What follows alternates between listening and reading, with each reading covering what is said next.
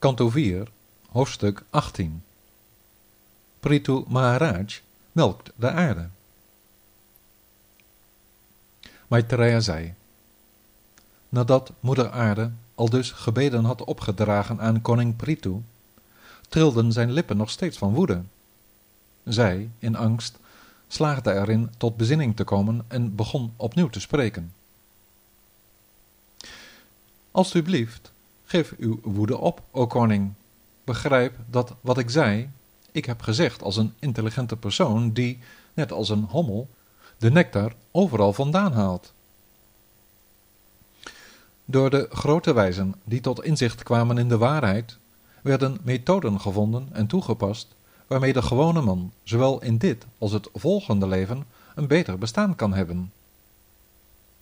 Voor een ieder die geheel leeft volgens de principes zoals die traditioneel worden onderricht aan hen die het aan de nodige ervaring ontbreekt en bij de genade van hun geloof leven, is het heel makkelijk om van het leven te genieten. Hij die met minachting voor de tradities, zonder kennis van zaken, eigenmachtig te werk gaat, zal zich in het nastreven van zijn persoonlijke doelen keer op keer zien mislukken. O koning, ik zie dat al de planten die in het verleden door Heer Brahma werden geschapen en die door mij worden gekoesterd, nu in handen zijn van onverantwoordelijke lieden zonder achting voor de spirituele praktijk. Met mij niet verzorgd en verwaarloosd door plaatselijke bestuurders als uw goedheid, heb ik voor deze wereld, die is vervallen in dieverij, al de kruiden en zaden verborgen die nodig zijn voor de offers. Omdat ze zo'n lange tijd in mij verborgen lagen, hebben die planten, vruchten en zaden hun kracht verloren, en daarom moet uwe majesteit ze op de voorgeschreven manier weer tevoorschijn halen. O held, zorg voor een kalf voor mij, als u dan ook zorgt voor een melkemmer en een melker, zal ik, uit mijn liefde ervoor, al uw verlangens vervullen in de vorm van melk voor een ieder van u. Ook zal ik, o machtige armde, o beschermheer van de levende wezens, als u dat wil, voor het voedsel zorgen dat u voor uw levensonderhoud wenste.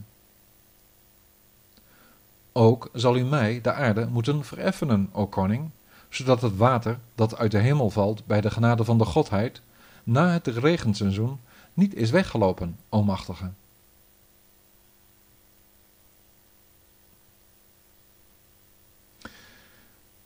Indachtig de bevredigende en goede woorden van de aarde, ging de koning met een kalf aan de slag en kreeg de vertegenwoordiger van de mensheid al dus, melkend, al de gewassen in handen. Zo ook verworven alle anderen elders die met intelligentie begiftigd waren, de wilde door op dezelfde manier zorg te dragen voor een kalf, waardoor ze naar behoefte Prithus planeet, de aarde, konden uitmelken. O goedheid, de wijzen die de godin molken met hun zinnen als de melkemmer, leverden, met behulp van de wijze Brihaspati als het kalf, melk in de zuivere vorm van de Vedische hymnen productief met Indra als het kalf, de koning van de hemel, molken de godsbewusten in een gouden emmer de nectar van de melk van de geestkracht en de kracht van het lichaam en de zinnen. De zonen van Diti, de vijanden van God, produceerden met Pralada als het kalf, met de belangrijkste toegewijde onder de goddelozen, de melk van gefermenteerde en gedistilleerde drank in een ijzeren vat. De zangers en bewoners van de hemel produceerden met hem, die Vishvavasu werd genoemd als het kalf, in een emmer in de vorm van een lotus, de melk van mooie muziek en schoonheid. De zeer fortuinlijke halfgoden, verantwoordelijk voor de begrafenisplechtigheden, brachten met veel geloof, met Aryama, vanuit het bereik van de voorvaderen, de melk van de offerandes van voedsel voort in een vat van ongebakken aarde. De vervolmaakte zielen en de geleerden en dergelijken kozen voor Kapila als het kalf en produceerden met de ether als de melkemmer de kennis van het handelen naar eigen inzicht met de mystieke verworvenheden van de yoga. Anderen, begiftigd met magische en mystieke vermogens, produceerden met Maya als het kalf en hun concentratie de melk van het wonderbaarlijke vermogen het lichaam onzichtbaar te maken.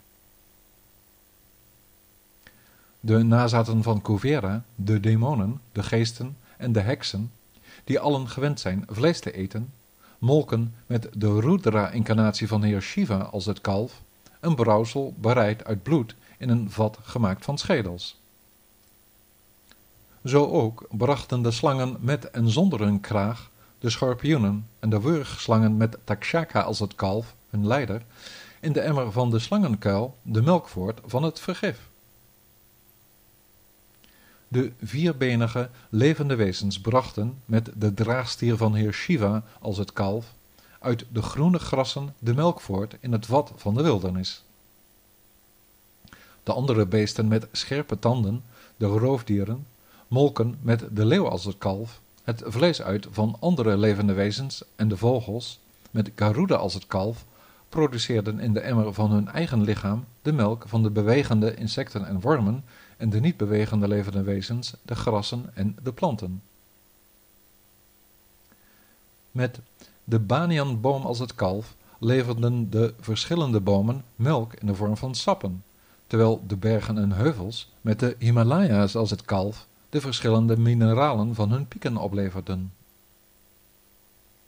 Uit de planeet Aarde, die door koning Prithu werd bestuurd, werd, met de leiders als de kalveren en met ieder zijn eigen specifieke melkemmer, de melk gemolken van alles wat maar nodig was.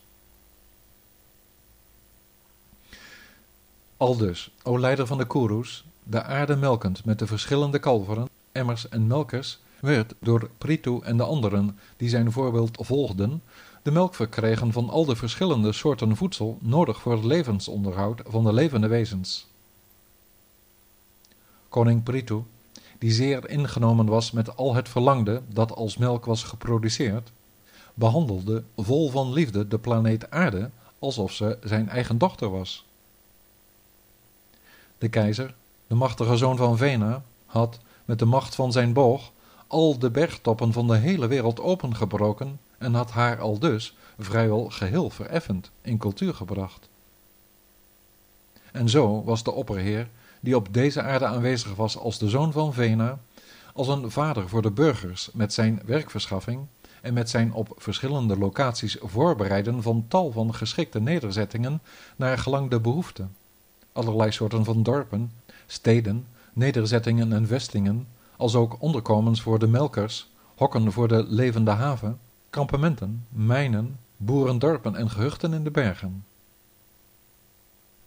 Voor Pritu's tijd bestond er op deze aarde zeker nimmer dit soort van planning van steden en dorpen. Men was gewoon overal onbeperkt naar eigen goeddunken te leven.